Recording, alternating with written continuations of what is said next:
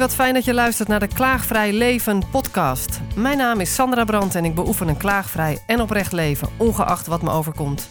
Ik ben nieuwsgierig in hoeverre onze mindset ons leven bepaalt. Volg mijn zoektocht naar de antwoorden en ontmoet bijzondere gasten met een inspirerend verhaal in deze serie podcasts. Dode paarden moet je feestelijk begraven. Dat is uh, het zelfverzonnen gezegde dat ik een paar jaar geleden heb bedacht. Toen we een uh, project met vrijwilligers stopten zonder dat het gelukt was. En dat was heel fijn. En uh, dode paarden moet je feestelijk begraven staat voor het moment waarop we met elkaar zeiden: we gaan ermee stoppen. Dat fascineert mij. Ik ben Marije van den Berg en ik heb een boek geschreven over stoppen. Welkom Marije, wat geweldig dat je er bent. Jij noemt jezelf de stopstratege, heb ik gelezen. Ja, dat is ook omdat ik denk het moet een beetje, een beetje stevig. Ja, dat staat wel. Fancy en het staat. En het gaat ergens over. Het prikkelt. En wat een mooie quote heb je daar bedacht. Ja, die, uh, die had ik al jaren in mijn achterzak. En elke keer als ik in omgevingen kwam waar energie uit lekte... of mensen dachten, oh, wat een geslepen en gesleur... Uh, dan zei ik, nou, dode paarden moet je feestelijk begraven. Zullen we dat vrijdagmiddag bij de borrel een keertje doen? Zullen we zeggen waar we mee stoppen? En meestal uh, als mensen met iets sleuren en je suggereert dat je ermee op kunt houden, dan verzachten mensen ter plekke. En, en waarschijnlijk zie je wat schouders omlaag gaan. Nou, dat. Ja. ja, dus en, dat en jij hebt die ervaring zelf ook, wat je net vertelde. Ja, en ik denk als, uh, als mensen nadenken over momenten in hun leven. En het boek is geschreven voor momenten in je werk. Maar dat mag natuurlijk net zo goed een verkering zijn of een slechte gewoonte. Um, uh, als mensen daarover nadenken, het moment dat ze ergens mee stopten waarmee gestopt moest worden. Daar mm-hmm. kunnen mensen allemaal voorbeelden bij verzinnen. Zeker. En ook voorbeelden van dingen waar je nu aan het sleuren bent. En waarvan je denkt, oh, wat zou het fijn zijn als we daarmee konden stoppen. Ja, want je zegt daar als je zou stoppen met dingen waarmee je zou moeten stoppen. Dus ergens zijn dat, je hebt het over situaties waarbij we eigenlijk, eigenlijk, het woordje eigenlijk doet er ook al iets in, eigenlijk al aanvoelen, dit werkt niet. En dan toch nog doorgaan, een soort illusie vasthouden. Of ja, ik moet denken aan toen mijn dochter uh, uh, nog baby was en ik haar naar de opvang ging brengen, dat voelde zo niet goed. En mensen lachten nog een beetje om mij van joh, dan moet je gewoon uh, overheen, moet gewoon doorzetten. Echt huilend dat zij daar altijd achter bleef. En als ik belde hoe het ging, hoorde ik haar al op de achtergrond. En als ik haar ophaalde, huilde ze. Nou, ik heb het tien keer gedaan en mensen bleven eigenlijk een beetje een soort van grappig doen daarom. Hè? Ouders daar ook in de opvang. Van joh, dat, dat hebben wij ook gehad. Gewoon doorzetten. En dat voelde zo niet goed. En toen ik die tiende keer haar gebracht had en een paar uur later al belde in de ochtend nog en haar alweer op de achtergrond hoorde huilen, toen dacht ik, ik ga haar nu ter plekke halen en ik breng haar nooit meer terug. En toen haalde ik haar op. Ik krijg er nog weer kippenvel van. Ik liep met haar de deur uit forever. En uh, mijn schouders uh, zakten zo ver omlaag. En het voelde, ja, als ik eraan terugdenk, ik zie dat moment dat ik met haar wegliep en dacht: dit is zo goed om te doen. Ja, mooi. Mooi voorbeeld. En uh, we kennen allemaal wellicht dat soort voorbeelden. Um, wat mij fascineerde was uh, dat we die voorbeelden wel delen ook. En dat er ook heel veel te lezen en te bloggen is over persoonlijk met iets stoppen. Mm -hmm. Dus met piekeren, met troep in je huis, met uh, alcohol, met roken, uh, suiker. Er zijn ontzettend veel mensen bezig met, met dingen stoppen. Maar met elkaar in een groepje stoppen, dus in een team of organisatie, daar kon ik eigenlijk niks over vinden. Aha. Het ging altijd over individueel stoppen. En mij fascineert het dus heel erg dat tegenwoordig mensen, jouw verhaal over de kinderopvang, kan het verhaal zijn van iemand die stopt met zijn baan bijvoorbeeld, ja, die wegloopt. Een individuele keuze. Hè? Een individuele keuze. En ik wilde graag uh, op onderzoek uit en dus ook een boek maken voor de organisatie die achterblijft. Wat is dat nou? Dat we niet stoppen. En dat er zelfs mensen weggaan omdat wat we niet stoppen. En hoe, oh, hoe kunnen we dat nou beter doen? En wat, wat maakte dat dat je daar juist in geïnteresseerd was? Want je zag dat daar een verschil in zat waar aandacht op zat, ook, ook in verhalen. Ja. Dus, dus wat maakte dat dat jou juist opviel? Um, ik heb uh, uh, ooit eens een keer proberen te bedenken van wat, waarom doe ik wat ik doe? En dat kwam uiteindelijk neer op dat ik uh, aan aan één ding een enorme, echt een grafhekel heb. En dat is verspilling hmm. van, van energie en liefde. En uh, helemaal als dat te maken heeft met dat de dingen niet passen. Hmm. En dat zal vast ook te maken hebben met dat ik zelf niet zo goed pas. Uh, dus dat, dat is natuurlijk altijd een persoonlijke, persoonlijke zoektocht. Hè? Iedereen, die iedereen die ergens nieuwsgierig is, gaat natuurlijk altijd in de grond ook over jezelf. Ja. Maar um, uh, ik heb eh, een scherp oog voor als de dingen niet passen en dat er dan heel veel weglekt. Dus eigenlijk als er lief, je hebt het ook over liefde. Als er, al- hoe zei je, zei dat zo mooi? Ja, liefde en energie voor je werk. Als het en, weglekt, vooral door dingen die niet stoppen. Ja, of niet passen. Dat Niet is passen, vooral. Dat je, juist. ik, ik zie dan het beeld voor me van zo'n hele grote. Ik weet niet of je wel eens het iPad-spelletje Where's My Water hebt gezien. Nou, dat is een aan elkaar gekoppelde waterleiding. Die je dan allemaal. waar- waardoor je moet zorgen dat het water op de goede plek komt. En daar lekt eindeloos veel water uit, want het past allemaal niet. Nou, dat beeld, als ik naar organisaties kijk. waarbij de routines, de werkwijze, de manier waarop je met elkaar omgaat, de ambitie, wat er dan ook maar is, niet past. Ja, dan zie ik dus nou ja, af en toe letterlijk voor me dat er heel veel weglekt. En dat is soms geld, hè, ook heel plat. Maar vaak ook eh, eh, energie en liefde voor het vak. Ja, Marij, vet mooi hè. Wat jij net even zegt, zo, het is voor jou natuurlijk al een bekend verhaal. En, en ik wil je dan eigenlijk even afremmen en stoppen. Heel Omdat het zo mooi is ook. En dat moet even ervaren worden aan deze kant van de lijn. ja, bijzonder. Je ze zegt eigenlijk, ik merkte dat ik eigenlijk ook niet helemaal paste. En dat maakte dat ik nieuwsgierig werd. En, en je, eh, het viel je op van dat spelletje waar als maar water weglekt. Zo zie je dat ook, ook binnen organisaties. En dat moet anders, want het is zo zonde als energie en liefde weglekt. Ja. ja. En wat ben je gaan doen? Want je bent dat zelf gaan onderzoeken. Ja, ik ben eh, toen ik, toen, ik tot, toen, toen tot me doordrong. Nou, dit, dit is een interessant thema, wat elke keer secundair overal wel was. Want ik was er al een tijdje mee bezig. Ja. Ehm, maar ik ga dat nu eens eh, een, een jaartje echt stevig onderzoeken. Ik geef mijn jaren, sinds ik zelf onderneem, altijd een jaarthema. En dus toen koos ik voor het jaarthema stop. En heb ik ook heel bewust gezegd, en dat ga ik twee jaar doen. Dus dat was ook, daar neem ik de tijd voor. En al vrij snel daarna, of misschien wel in dezelfde gedachte, dacht ik, ja, maar dit is ook echt een heel interessant boek. ja. Ehm, ik kan schrijven, want ik heb een achtergrond als journalist. Dus ik wist ook, ik had nog nooit een boek geschreven, maar daar zag ik niet heel erg tegen op. Nee. En eh, eh, toen ben ik vooral heel veel gaan lezen over het onderwerp en om me heen gaan kijken. En op een gegeven moment een plannetje gemaakt voor een boek en al snel een uitgever daarvoor gevonden. Ja. En toen er één keer een deadline in de lucht hing, ja, toen ging het vliegen. Dus toen, toen ging ik ook met mensen praten, mensen interviewen, nog meer lezen, nog meer graven. En Ja. daar is dit boek, dat heet Stop. Ja. En dat gaat dus heel erg over het kijken waar past het niet meer en wat doen we dan? Ja. Moeten, we, moeten we doorgaan? Staan we staan stil, vertraag? Is dat waar het uiteindelijk over gaat? Nou, het heet, het is een, eh, uiteindelijk is het een managementboek geworden. Dus dan moet je ook altijd stappen erin zetten, hè, want Oh dat ja. vinden mensen prettig. Ehm, kijk, het boek voor mensen die, die wel eens nadenken over veranderen of daar wel eens iets over lezen, die zullen vast dingen herkennen in het boek. En ehm, eh, er zullen ook mensen zeggen, ja, nou, dat is wel een heel erg open deur die je daar openzet.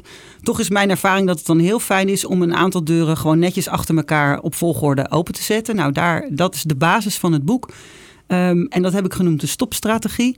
En die begint inderdaad met afremmen. Mhm. Als je namelijk niet afremt, kun je niet om je heen kijken en stoptekens zien. Mhm. Dus het feit dat mensen, jij noemde net al het woord eigenlijk. Ja. Nou, dat is een heel, heel typisch woord. Hè? Dus mensen weten heus wel eh, dat er iets gestopt moet worden. En in het begin dacht ik heel naïef, maar ik hoef niet te schrijven over waar we dan precies mee moeten stoppen. Want dat weten we wel eigenlijk. En dat bleek dus niet het geval. Nee, want als je dan gaat graven, dan blijken mensen er in ieder geval heel verschillend over te denken. Ah ja. En omdat ik Ja, graag... omdat je ook over teams hebt. Precies, ik wilde groepjes. Ik wilde het in groepjes. Dus dan is het dus juist heel belangrijk om met elkaar uit te puzzelen. Waar willen we nou precies mee stoppen en waar staat dat voor? Mhm. Nou, dat heb ik genoemd achterom kijken. Dus dat je goed achter je, achter je kijkt van wat laat je nou liggen en wat neem je nou wel mee. Mhm. Dus kun je preciezer stoppen. Wat ik ook ontdekte was dat we Precies stoppen. echt, echt uit, uitknutselen. En dit is radio, dus je ziet mij niet prutsen met mijn vingers. Maar dat Ja. is het gebaar wat ik daarbij maak. Ja, ja. Ja, dus heel precies stoppen. Ehm, zodat je ook niet eh, kinderen met badwater weggooit. Mhm. Want dat gebeurt natuurlijk ook hè, met de botte bijl en, eh, Ja. en, en met faillissementen, dat soort dingen. Dat je denkt, ja, oké, dit is nu gestopt, maar wat, wat heeft het niet gekost? Dus als je dat rustiger en preciezer doet, dan doe je het ook. Vertragen, achterom kijken, zodat je preciezer kan stoppen. Ja, Mhm. en van wat laten we nou eigenlijk liggen, eigenlijk? En is dat wel goed? Bijvoorbeeld, heel plat voorbeeld. Mhm. Eh, er is een tijdje is het modern geweest om te stoppen met aparte eh, hokjes met kantoortjes Ja, en voor kantoortuinen. te gaan. Nou, eh, dus we zijn gestopt met aparte hokjes. Nou, daar zitten voordelen en nadelen aan. Maar waar je ook mee stopt zijn de gangen. Er zijn Mhm. geen gangen meer in kantoortuinen. Mhm. En op gangen gebeurt van alles. Oh ja. Daar is heel veel interactie, daar is heel veel contact mogelijk. En het feit dat je dus stopt met kantoorhokjes betekent ook dat je stopt met gangen. En wil je dat? En als dat gebeurt, wat moet je dan doen om die gesprekjes op de gang op een andere manier te faciliteren? Te, te faciliteren. Nou, en dat is een klein voorbeeld van preciezer stoppen. Dat je dus snapt Ehm, eh, dat je iets te doen hebt om dat wat je niet kwijt wil, dan wel mhm. netjes mee te nemen naar de overkant. Ja. Ehm, en, en wat ik. Uh, en dat is dus zeg maar stap 2 uit de dustopstrategie. Nou, ik zeg dat een beetje op een toontje, maar het is ook gewoon echt wel fijn om het een soort van uh, in een volgorde te zetten. Wat we ook missen in onze organisaties zijn rituelen voor afscheid. Die hebben we mhm. eigenlijk niet. We hebben de kick-off, we hebben de roadshow, we hebben de presentatie van het nieuwe MT. Vieren. Tada! Ja, successen vieren, maar successen vieren, dat gaat nooit over afscheid nemen. Dat gaat over successen vieren. Ja. En dat waar we mee willen stoppen en dat op een goede manier ten graven dragen, uh, dat, mhm. dat kunnen we heel slecht. En daar missen we ook echt werkvormen voor. Dus daar ben ik bijvoorbeeld in gesprek gegaan met Danielle Bruin. Zij is uh, uh, antropologe en zij heeft mij heel veel verteld en geleerd over rituelen. En ik heb dan ook in andere culturen In andere culturen, maar ook in onze organisaties. Hoe we mhm. dat beter kunnen doen. Afscheid nemen, bewust. Um, want veel waar we, want we stoppen natuurlijk best met dingen, mhm. maar dat doen we een soort besmuikt of stiekem, of Het, het, het, het appt een beetje weg, of we laten het doodbloeden. Nou, en, we hebben het er niet meer over. Precies. En als er dan dus dingen in dat gestopte zitten waar je nog wel wat mee wil, dan kan je er niet meer bij. Mm -hmm. Dus preciezer stoppen gaat ook over heel goed afscheid nemen. Uh, en dus ook vieren dat het niet meer hoeft. Feestelijk begraven van je dode paard. En dan gaat het bergop, want dan moet je gaan afleren. Mm -hmm. En uh, daar zit bijvoorbeeld een heel belangrijk verschil tussen um, het kloeke besluit van het afschaffen en dat het moet stoppen. En het voorbeeld wat ik in mijn boek elke keer weer naar boven kan halen is tijdschrijven in de zorg. Uh, minutieus bijhouden hoeveel minuten je uh, de steunkous van mevrouw Jansen hebt uh, afgerold. Inclusief, en op... inclusief het noteren van het feit dat je ook tijd nodig hebt om dat op te schrijven. Nou, die visieuze cirkel. En um, daar gingen we mee stoppen.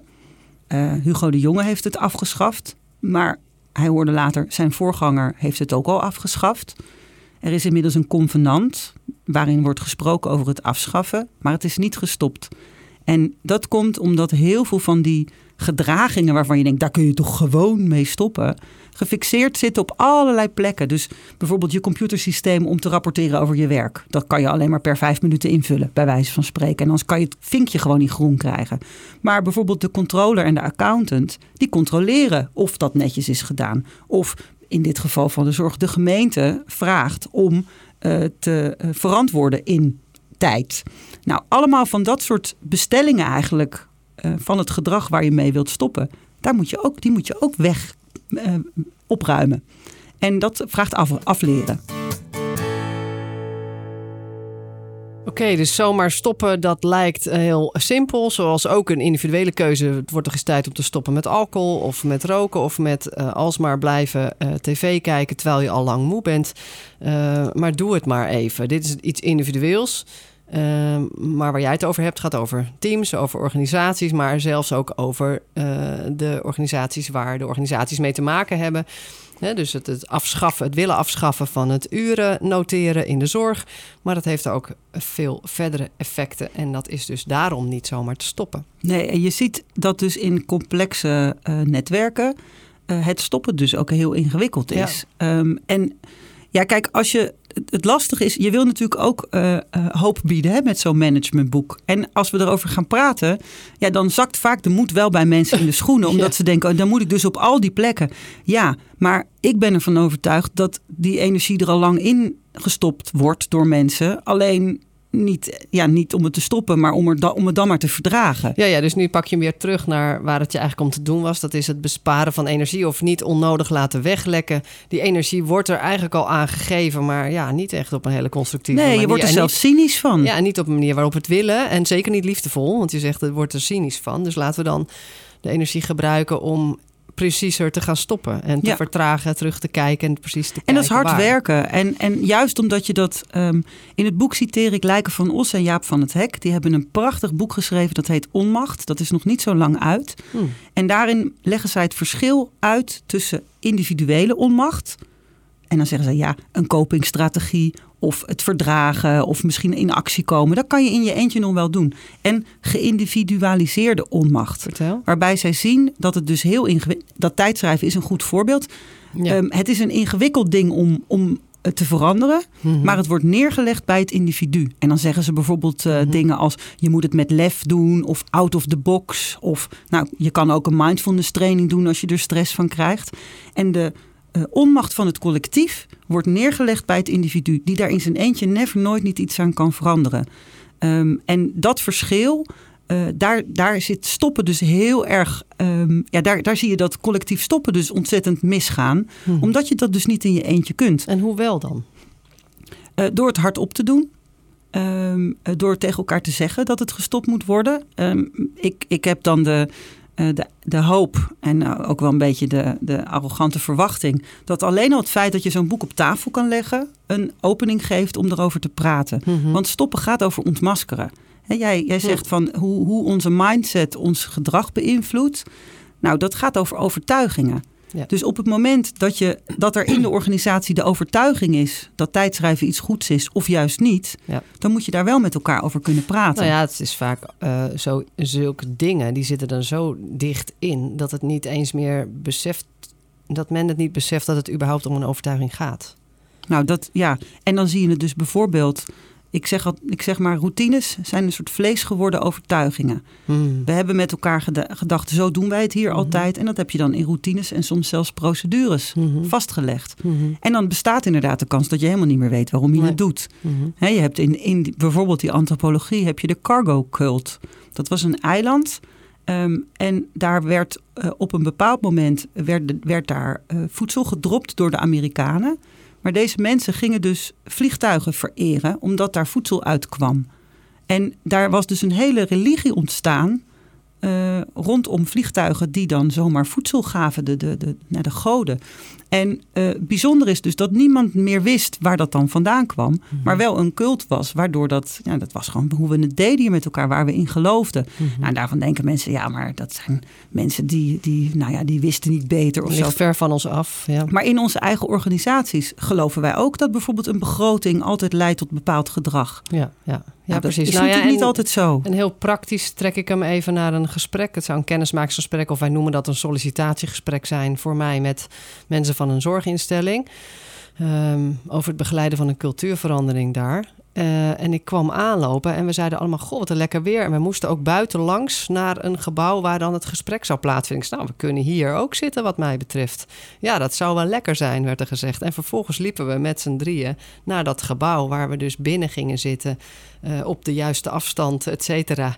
Eh, op een, op een, in een energie waarbij je eigenlijk denkt: ja, wat apart eigenlijk. Ja, Dit is zoiets. waarom doen wij dit? Ja, dat, ja, precies. Vergaderen doe je binnen, is dan een overtuiging. Ja. Ja, dus er zitten. Maar, maar het feit dat je niet eens meer weet dat het om een overtuiging gaat, betekent al dat je het niet eens meer ter discussie kan stellen. Ja, en het is natuurlijk ook zo dat als je iets wil stoppen, ehm, dan ben je in principe altijd eh, een, ja, in je eentje. Of je bent in ieder geval lastig of vermoeiend. Of een vreemde eend. Hè? Ja. Ik heb een lijstje met typische stoppers proberen te maken. En dan eh, gaat het over eh, eh, de kanarie in de kolenmijn, de klokkenluider. Maar Mhm. ook het kind uit de, het sprookje De Nieuwe Kleren van de Keizer. Die zegt, Mhm. ja maar de keizer heeft helemaal geen kleren aan. Ehm, en het gaat bijvoorbeeld over, die vind ik zelf altijd heel leuk, de skank at the picnic. Die je dus niet wil, die gewoon het feestje komt verstoren. En die, Mhm. en die iets zegt of iets doet waardoor je denkt. "Eh." Maar ja, dat zijn wel de mensen die dus ontmaskeren, die ter discussie stellen. Ja, en dat Ja. is natuurlijk niet comfortabel en niet prettig. Nee. En wij, wij willen natuurlijk gewoon lekker gewoon. Hè? Niet, niet anders, want dat is ingewikkeld. Dus, zoals je in het begin zei, eh, als we gaan stoppen met dingen die eigenlijk gestopt moeten worden, dan valt er een last van ons af en dan kan de liefde en de energie gewoon weer zijn werk doen en stromen. Eh, alleen we doen het niet om, omdat we eerst dan door een stukje discomfort of oncomfortabel gevoel moeten. Zeker. En dat gaat niet alleen over het ontmaskeren.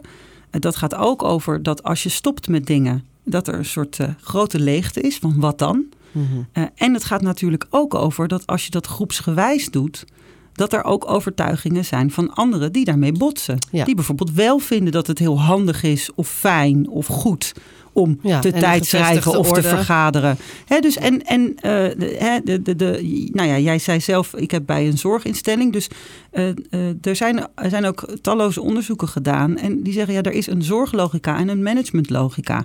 En natuurlijk zijn wij dan van de school van, ja, de zorglogica is beter. Maar dat is natuurlijk helemaal niet zo. Hmm. Het zijn gewoon andere logica's. En waar die botsen, wordt het dus heel lastig om ook elkaar te vertellen waarom doen wij dit. En dus Ja. ook waarom zouden we ermee stoppen. En dat vraagt om ook die logica's met elkaar te laten botsen. En ja, en, dat, dat, en daarvan denk ik, dat is heel simpel een kwestie van met elkaar aan tafel. Net iets breder kijken dan je eigen, je eigen clubje met logica, zeg maar. Maar ga, ga het maar eens doen. Met elkaar aan tafel eens kijken, waar zijn we eigenlijk mee bezig? Ja. Eh, zijn er dingen waar we mee mogen stoppen? En, ehm, ja, en ook het durven experimenteren weer. Het, willen spelen, is dat het?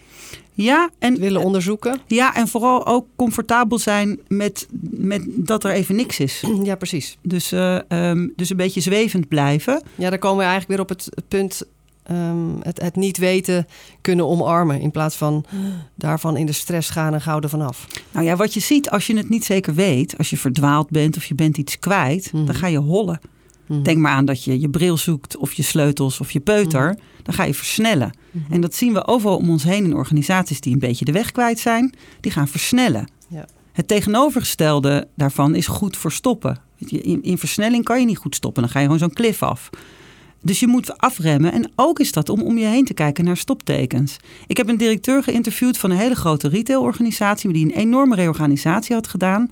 En die zei, ja, eigenlijk, eigenlijk daar is hij weer... Ja. Ik vind dit wel een eh, brevet van onvermogen van onze organisatie dat wij zo'n reorganisatie nodig hadden. Want dat heb je pas helemaal op het eind als echt, nou dan moet je echt grof ingrijpen. Dat was zijn aanname. Nou ja, dat is ook wel, ik denk ook wel dat dat waar is. Mhm. Eh, een hele grote reorganisatie, dat is Mhm. meestal een kwestie van verwaarlozing. Ja, ja. Mhm. En toen zei ik tegen hem, ik zei maar, wat, want we hebben tekens gemist van onze klanten, van ons eigen personeel, van de stakeholders, weet ik wat, aandeelhouders. Maar, wat heb je dan nu in je organisatie ingebouwd om die stoptekens wel op tijd te zien? En toen bleef het stil. Dus dat, en ik hoop dat hij daar nog een beetje op aan het kouwen is. Maar met elkaar eh, de stoptekens kunnen zien en mogen benoemen. Van hé, hey, er gaat nu iemand weg bij onze organisatie. Wat betekent dat eigenlijk? Dit is al de derde die weggaat en voor zichzelf begint. Hmm. En in plaats van dan, nou ja, jouw klagen, klaagvrij te zeggen. Nou, lekker makkelijk. Die hoeven nooit meer die, die ene vergadering te doen waar wij allemaal wel voor zitten. Of de weekenddiensten. Ik Denk, blijkbaar zijn er mensen die, die daarmee hadden willen stoppen. Of het op een andere manier hadden willen Mhm. doen. En die hebben geen poot aan de grond gekregen. En die zijn nu zelf weggegaan. En dat zijn wel stoptekens Ja. die je serieus kunt nemen. Dus ik hoor hier ook wel echt een pleidooi voor een, een, een periode in te lassen of te aanvaarden waarin men het even niet weet, waarin je vertraagt, wanneer je stilstaat, wanneer je het eens anders gaat doen en weer eens onderzoekt en niet meteen hoeft op te lossen. Ja. En als Ja. je dat doet, kun je ook veel eerder stoptekens zien en signalen Ja. eh, pakken. Daar ben ik zonder echt van meteen overtuigd. weer iets mee te moeten doen, maar waarbij je continu daarmee in contact kan blijven. Ja. En- en, hè, versus doorjakkeren, versnellen, totdat je compleet moet reorganiseren en dan begin je weer van vooraf aan. Ja, en steeds weer een Want dan heb je in de nieuw- basis nog niks gedaan. Een nieuwe stip op de horizon, een nieuwe visie, een nieuwe ambitie, een nieuwe werkwijze, een nieuwe regering. Kies maar. Ja. Eh, dat is allemaal, dus daar hebben we heel veel mechanismes ook voor om dan weer opnieuw, opnieuw, opnieuw, opnieuw. En, eh, en dat is, da- daar zit ook dat wat is een moois soort in. korte Maar, termijn vervulling. Zou ja, maar zeggen. de lente heeft ook de winter nodig. ja, Dus, en de herfst. en de herfst. Dus dat, de- en daarvoor ruimte maken in je organisatie. Ja, ik denk dat dat heel veel kan opleveren. Ja. Ehm, en eh, kijk, stop is natuurlijk een onderdeel van veranderen. Hè? Ehm, eh, veranderen, als je het op de keper beschouwt, zijn drie dingen. Dingen die je nieuw gaat doen, dingen die je bij het oude laat Mhm. en dingen die je stopt. Mhm. Dat is opgeteld verandering. Maar dat laatste stuk, dat waar we mee stoppen, dat verwaarlozen we, soms zelfs een taboe, hebben we in ieder geval weinig aandacht voor. En ik heb het zelf ook zo gedaan hoor, hou me te goede. Dan zei ik van nou, kies gewoon drie tot vijf prioriteiten. En de beschikbare tijd bepaalt vanzelf wel eh, wat er niet gebeurt. Maar wat je daarmee natuurlijk helemaal veronachtzaamt... is dat er dus 97 dingen in een hoek- hoekje liggen te rotten. En dat van die 97 dingen misschien voor andere mensen daar wel drie prioriteiten tussen liggen. Waar men heel blij van wordt. Precies. Nou, en dat bespreekbaar maken. En, dus, en als je dan prioriteiten stelt, ook heel goed kijken. Maar wat hebben we dan te stoppen? En hoe nemen we daar goed afscheid van? En hoe leren we dat goed af? Ik denk dat we dat, ik, ik zeg ik wil stoppen sexy maken, maar het liefst wil ik het gewoner maken. Ja. Alleen als je het woord gewoon gebruikt, is het meestal heel bijzonder. Dus dan heb ik het liever over sexy, want het is gewoon, ja, dat is leuk, een leuker woord. Ja, en ik blijf terugkeren in mijn hoofd met het woordje verandering, want ik vraag me af of verandering nog wel bestaat op het moment dat je in tune blijft met wat er is, zonder te versnellen. En eh, volgens mij hoeven we bijna alleen maar elke keer ons weer even te realiseren dat vertragen het antwoord is. En dan, en dan te volgen wat daarin klopt. En dat is meer de flow volgen. En dan is het niet meer een kwestie van veranderingen, maar dan is het een kwestie van de flow volgen en openstaan voor ieders. Ja, dat is heel erg waar. Maar er zit dan een tweede laag in. Want je zegt openstaan voor ieders. En daar gebeurt natuurlijk wel van alles. Ja. Dus het gaat een beetje om welke positie kies je nou. Uh, en als je er bent om de bedding te maken waarin het kan gebeuren, dan snap ik mhm. heel erg dit perspectief. Van nou ja, mhm. je, je moet erbij zijn, je moet er ruimte voor maken en dan ontstaat er van alles. Wat ook mhm. zo, hè, flow, uh, ik bedoel, dat is ook, gaat over dieper luisteren, gaat over elkaar ruimte geven. En tegelijkertijd zijn er natuurlijk ook mensen met energie en ambitie en beloftes. En daar, daar word ik zelf ook heel blij van. dus, dus het is niet alleen maar dat, maar, maar het gaat wel over meer ruimte voor, nou, die snelkookpan uh, is eventjes het gas wat lager zetten en kijken, kan je ook lekker pruttelen. Ja, dat snap ik wel. Ja, precies. Ja. En, en een vinger aan de pols houden gaandeweg. Ja, en dan zie je bijvoorbeeld bij in de transitiekunde zijn ze daar heel alert op. Hè? Dus die, die kleine rimpelingen, die langzaam ontstaan en die steeds maar weer even opduiken en dan, weer, en dan steeds opduiken en dan weer zakken. Mhm. Nou, en daar dan gevoel voor krijgen en de timing voor ontwikkelen. Mhm. Om, op het, om het moment te kunnen kiezen van en nu steken we over. Mhm. Nou, en dat, dat is natuurlijk heel interessant om, om te zoeken. Ja, en dan voelt het voor mij niet meer als een grote omschakeling of als een grote verandering, maar meer als een iets wat nodig is en wat we volgen. Ja, en dan, dan weet je, en, en zeker als je het dan samen doet, Um, dan, als team. Ja, en dan snap je ook dat je niet naar de overkant kunt als, als er aan de andere kant nog mensen überhaupt niet weten dat we gaan zwemmen. Mhm. Dus dan moet je het ook wel samen doen. Tuurlijk, ja. En dan, en dan ja, en ik ben zelf, ik, ik weet niet of jij, ik kan je die film aanraden, ik moest er erg om lachen. Uh, The Invention, Invention of Lying van Ricky Gervais. Hij is op Netflix. Hmm. En dat speelt in een wereld waar liegen gewoon nog niet is uitgevonden. Dus dat begint ook heel, heel, Ja, dat je dus tegen elkaar zegt van... ik ga je vandaag weer niet ontslaan, want ik durf het niet. Maar het moet wel. En dat soort is... Geweldig. En ik zat die te kijken met mijn man. En ik zei, ja, om heel eerlijk te zijn... ik word er zo rustig van dat, je, dat alle maskers dus af zijn. Ik snap ook wel dat dat uiteindelijk ook niet een wereld is waar je in wil wonen. Want een beetje decoren met maskers, nou ja, helemaal prima. per week zou best wel Maar ik werd er zo rustig van. En dat is dus een beetje hoe, hoe ik in elkaar zit. Ik ik, ik kan niet zo goed met maskers. Nou, en dat merk je dus ook bij dat stoppen. Dat gaat over ontmaskeren. En ja, de olifant in de hoek van de kamer... dan maar eens een uitnodigen aan tafel en zeggen... goh jongen, hoe gaat het nou met je? En dat, ja, dat, zou, dat, dat gun ik heel veel meer teams en organisaties... dat het hardop gezegd mag worden. Marije, nog eventjes kijken hoe we ook nog een mooie samenkomst kunnen hebben. Ook in waar ik nu mee bezig ben en hoe jij dat weer ziet. Hè? Want jij hebt het over dat stoppen, dat heel zorgvuldig doen. En jij vroeg me eventjes uh, buiten de uh, opname om uh, wanneer heb jij nou echt duidelijk iets gestopt? Nou, dat zit er meer in mijn privéleven bijvoorbeeld, dus daar ga ik nu niet over hebben. Maar ik zoek toch naar waar zit die verbinding nou? En dat zit, bij mij zit heel erg op taal. Dus ik werd bijvoorbeeld uitgenodigd voor een sollicitatiegesprek... die niet in de tuin kon plaatsvinden, maar toch binnen.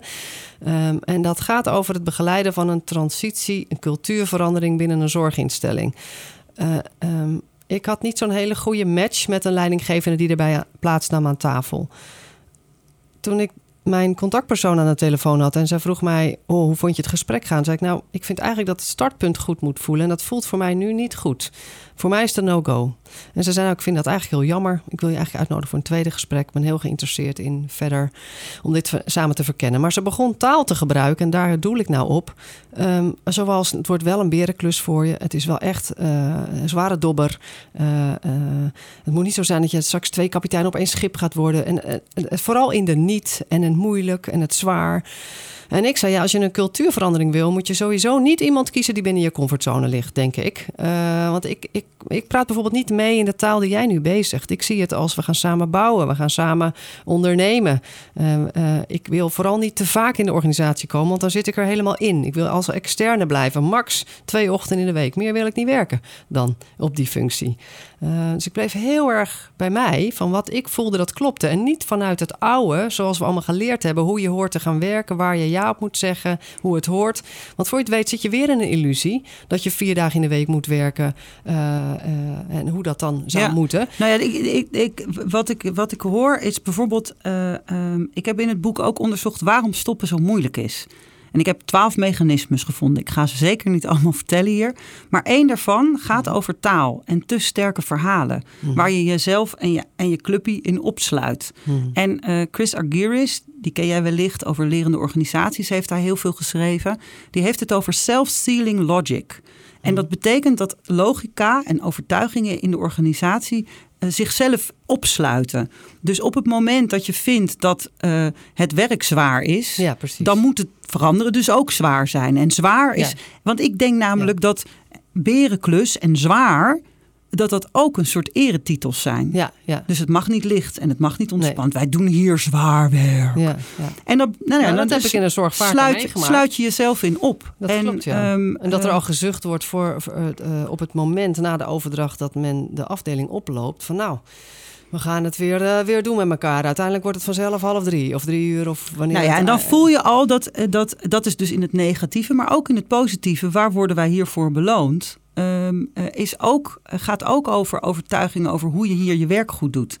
En stoppen met dingen gaat over precies dat in twijfel trekken. Ja. Maar als in de organisatie een taal heerst en een beloning, en Ja. dat kan in geld zitten, maar ook in waardering of Ja, je bedoelt je dus dat het voelen. goed is als je het zwaar hebt en als je Precies. hard werkt. Hè? Ja, dan is het bijvoorbeeld. Dus als ja. je dat zou stoppen, dan ja, eh, waar kunt, ben je nog? Ja, je kunt, je kunt, je kunt niet bezig? uit die logica stappen. Mhm. Ehm, en wat ik heb onder- ontdekt is dat als je wil afleren, kijk, leren kun je kopiëren. Je kunt dus leren hoe je goed werkt. Namelijk nou, door af en toe ook even te zuchten en te steunen over hoe, hoe zwaar het allemaal is. Dat, zo doen wij dat hier. Afleren, eh, en dat blijkt ook uit niet heel veel wetenschappelijk onderzoek, maar wat er is, heb ik zitten lezen. Mhm. eh, gaat over in ja, wat ze dan noemen de tweede orde. Dus even de buitenstappen, wat jij ook doet als Mhm. buitenstaander. En dan kijken, hoe, wat doen we hier eigenlijk? Ja. En dus reflecteren op hoe je het doet. Nou, en dat kan alleen maar als je uit die logica stapt. Ja. Dan kan je er van een Ja, afstandje en dan naar ben je kijken. dus per definitie de buitenstaander. Ja. En je kan ook van jezelf een buitenstaander zijn. Hè? Je kan jezelf in de spiegel kijken en noem maar op.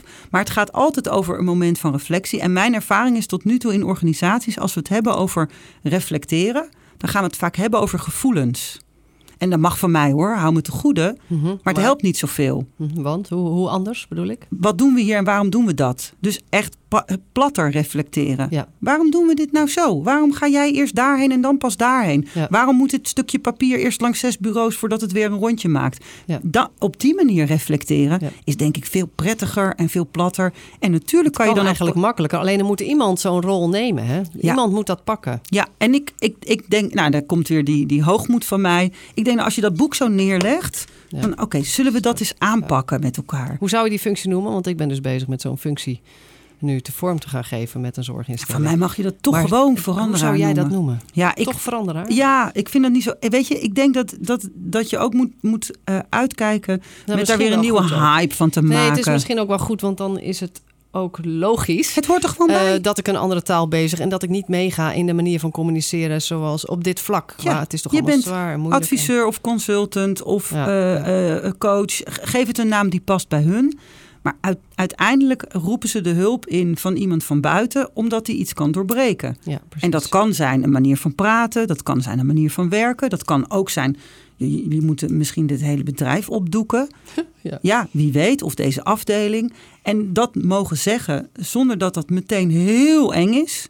En dat zorgvuldig doen en Ja, met elkaar zeker. doen. En wat je ziet is, in, oh, dat blijkt ook wel, je als manager bijvoorbeeld, kun je niet bepalen wat er precies moet stoppen. Je kunt hooguit de omstandigheden creëren waaronder je goed kunt kun je stoppen. alleen met elkaar, toch? Met de Ja, hele groep. het loopwerk doen. Ja, maar als manager kun je wel het loopwerk doen. Met bijvoorbeeld al die partijen eh, die buiten het team of zelfs buiten de organisatie, die erbij halen. Dus Verbinden. loop maar en verbinden. Ga maar over die, die hokjes van zo'n organogram, dat kunnen mensen zelf allemaal wel. Maar die lijntjes, daar moet je als manager van zijn. Mhm. Nou, dat, dat doen, dus situationeel kijken wat is er moet er aan tafel om te stoppen. En het vervolgens ook eh, met elkaar bespreekbaar maken. En dat ermee stoppen net zoiets is om te bespreken als ergens mee beginnen. Ja. En ik denk dat En net zo feestelijk mag bijna. net zo feestelijk, maar misschien ook wel, met- ook wel net ook zo, niet, en dat zo, zo simpel. Ja, Ja. heel simpel. Oké, wat waar, waar gaan we mee door? Eh, wat moet er eh, nieuw en waar stoppen we mee? En, dan, en dat dat Nou ja, allemaal en ook- evenveel lading krijgt. en, ja, en ook dus beseffende wat geven we dan op. Hè? Dus, dus dat je blijkbaar waardering krijgt als je toch veel de aandacht hebt op hoe zwaar een klus het allemaal is. En, Hoe- als je daar hoe- waardering hoe op waarderen krijgt, we dan? Hoe, doen we het dan? ja, hoe waarderen we dan? Wat, welk gedrag Dus belonen wat- wij hier? Ja. Eh, ik hou zelf erg van de metafoor van de bestelling en het menu. Hmm. Dus wat wordt er besteld? Door wie? Wie heeft wat besteld? Maar ook wat zetten wij nou zelf op het menu om te bestellen? En als jij zegt, ja, Ja, ik wil niet meer beloond worden voor steunen en kreunen. Mhm. Dan moet je misschien steunen en kreunen niet meer op het menu zetten. Maar iets wat lekkerder is om te bestellen. Namelijk een leuk plannetje. Of eh, zeggen, ik zou graag eh, een sabbatical willen. Want volgens mij is dat, weet ik veel wat je Ja, op het ja. menu wil nou, zetten. Ik, ik was nog wel even nieuwsgierig wat nog meer kwam. Ik vind het wel wat. Nou ja, het, het, het leuke is dat je, we, zeker in hiërarchische organisaties, en ik ben niet tegen hiërarchie, want de hele natuur eh, werkt volgens hiërarchie. Mhm. Maar gaat het ook over wat heb je nou in je eigen werk, welke macht heb je in je eigen werk, welke zeggenschap heb je in je eigen werk? En je hebt natuurlijk veel meer vrijheid dan je denkt om dingen op het menu te zetten voor leidinggevenden, voor bestuurders, voor de politiek, voor nou ja, wie er maar in jouw ogen bestelt wat jij moet doen. En ik kan me nog herinneren dat er een keer een discussie was over de inspectie van de gezondheidszorg Mhm. die bij een verpleeghuis kwam en naar, naar de stellige overtuiging van het verpleeghuis naar de verkeerde dingen keek. Oh ja. Dus de verkeerde indicatoren gebruikte. Nou, ik, ik kon meeleven. wij leveren ook goede zorg, maar wij eh, vinden dat, dat als zij kijken of er wel een kijkgaatje in het deurtje zit, vinden wij geen goede indicator. En toen dacht ik, en nu komt het. Nu gaat de journalist vragen, maar waar moeten ze bij jullie dan op letten? Mhm. Hoe weten jullie dat je je werk goed doet? Waar zie je dat aan? Wat zijn jullie indicatoren? Ja. En die vroegen ze niet. En daar zit heel veel mogelijkheid voor verbetering. Mhm. Laat zien waar je vindt dat een leidinggevende, een inspecteur, een toezichthouder, een klant op zou moeten letten bij jou. En dat gaat heel erg over bedenken: wanneer doe ik mijn werk goed? Ja. En waar kan ik het nou aan merken? En je kan zeggen dat doe je op gevoel. Nou, maar dat is dus niet genoeg als je bijvoorbeeld Nee. publiek geld Nou ja, uitgeeft. Even weer terug naar de, de, de mini-praktijk. eh, waar het uiteindelijk eh, om draait. Is dat eh, de verzorgenden dan pas koffie willen drinken als iedereen uit bed is gehaald. Maar dat is nogal een berenklus wat niet altijd even soepel verloopt. Eh, en zeker niet voor half elf 's morgens altijd. Maar dan ben je al wel om zeven uur 's morgens gestart. Ja. En dan loop je al aardig op je tandvlees. Maar pas dan heb je zelf als verzorgende ook rust als iedereen het bed uit is. Terwijl ik me kan voorstellen dat eh, die paar eh, cliënten die dan aan het einde van die rij zitten, echt geen fijne uitbedmoment hebben. Dus kan je, kan je kijken hoe kunnen we het nou zo fijn mogelijk maken voor iedereen en waar moeten we dan op letten? En, ik, en dat kan ik dus ook niet bedenken voor iemand, dat kun je alleen maar zelf bedenken. Mhm. Een van de voorbeelden in het boek ging over het eh, stoppen met eh, fixeren in, bij verstandelijk eh, Ja, gehandicapten. Ja, ja. Dat heeft heel lang geduurd. eh, en ook omdat mensen die zeiden, nou het mag niet meer, dus ik stop er gewoon mee. Dat waren nou net niet de mensen eh, eh, waarvan die manager dacht, nou daar, daar heb ik wat aan. Mhm. Het ging haar juist om mensen die zeiden, nou maar bij deze cliënt kan het echt nog niet, want deze en deze voorwaarden. Ja, dat je bewust. Maar dat zijn toch, dat is echt situationeel. Dat moeten mensen echt zelf Ja. vinden en ervaren. En dan kunnen ze zeggen, hé, maar hier kan ik aan zien dat het kan. Hier, zo stoppen wij daarmee. Ja. Dus, en dan zit er dus ook nog. eh, het vraagt een andere werkhouding. Ja, maar, ook, eh, eh, maar dus ook verantwoordelijkheid nemen voor ook je eigen verantwoording. Ja. En denken, hier kan je het aan zien bij mij. Mooi. Reken mij hier nou op af. Ja, en dan gaat het niet per se altijd om iedereen uit bed voordat je koffie kan houden, maar dat je er met elkaar een fijne ochtend van kan maken. En waar zien en we dat dan is aan? daarvoor voor Ja. nodig? Ja, En daar mag je ook gewoon vol op de gang met elkaar even een bakje voor doen, waar iedereen het ziet, dat je even zit te chillen en lol hebt. als de, als de mensen die nog in bed liggen, maar denken, lekker hè, kom je zo naar mij? Weet je, dan is het een heel andere, ander type. Dus die indicatoren, dat zijn hele gevaarlijke dingen, maar het zijn ook hele fijne dingen als je de goede hebt. Wat zet je op het menu? Nou, dat. Marije, dank je wel voor het interview. We moeten alweer afronden. Waar kunnen mensen jou vinden? Eh, als je op goedstoppen.nl kijkt, dan heb je gewoon eh, hebben we alles. Ja, ja, met inclusief links en de hele mikmak. Super bedankt. Jij ook bedankt voor het eh, gesprek.